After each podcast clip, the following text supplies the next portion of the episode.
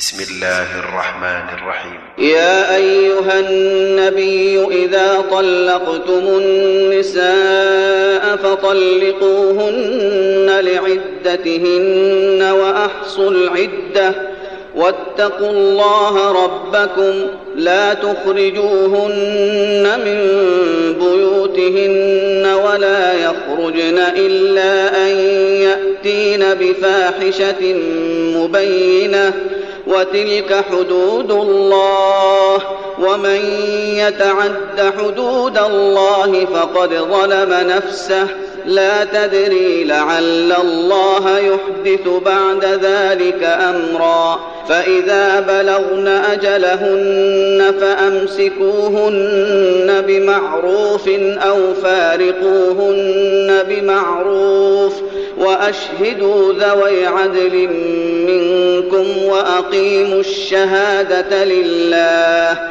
ذلكم يوعظ به من كان يؤمن بالله واليوم الآخر ومن يتق الله يجعل له مخرجا ويرزقه من حيث لا يحتسب ومن يتوكل على الله فهو حسبه.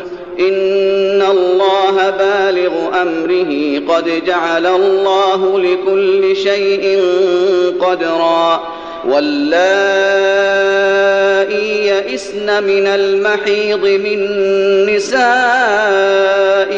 ان ارتبتم فعدتهن ثلاثة اشهر واللائي لم يحضن واولات الاحمال اجلهن ان يضعن حملهن ومن يتق الله يجعل له من امره يسرا ذلك أمر الله انزله اليكم ومن يتق الله يكفر عنه سيئاته ويعظم له اجرا اسكنوهن من حيث سكنتم من وجدكم ولا تضاروهن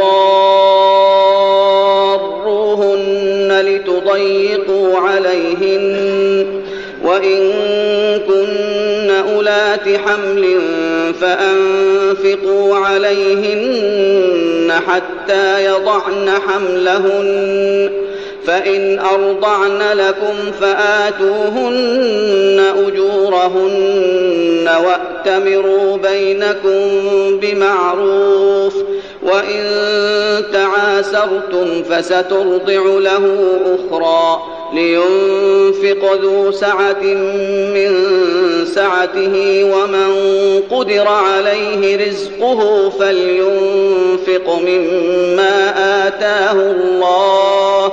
لا يكلف الله نفسا إلا ما آتاها.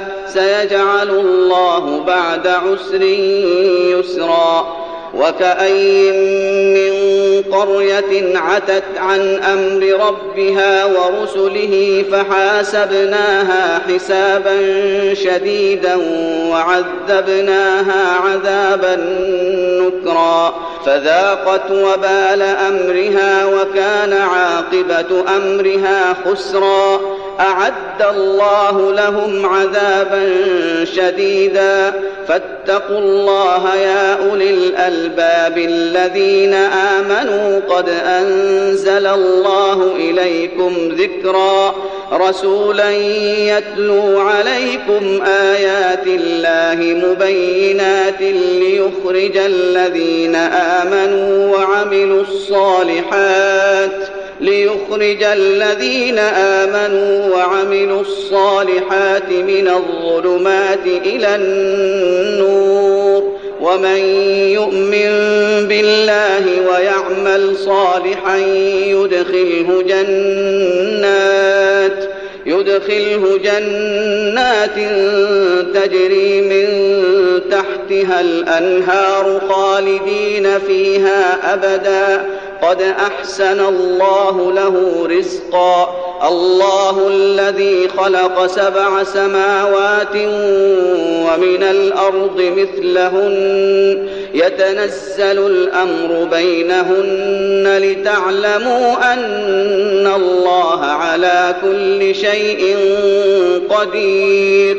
لتعلموا أن الله على كل شيء قدير وأن الله قد أحاط بكل شيء علما.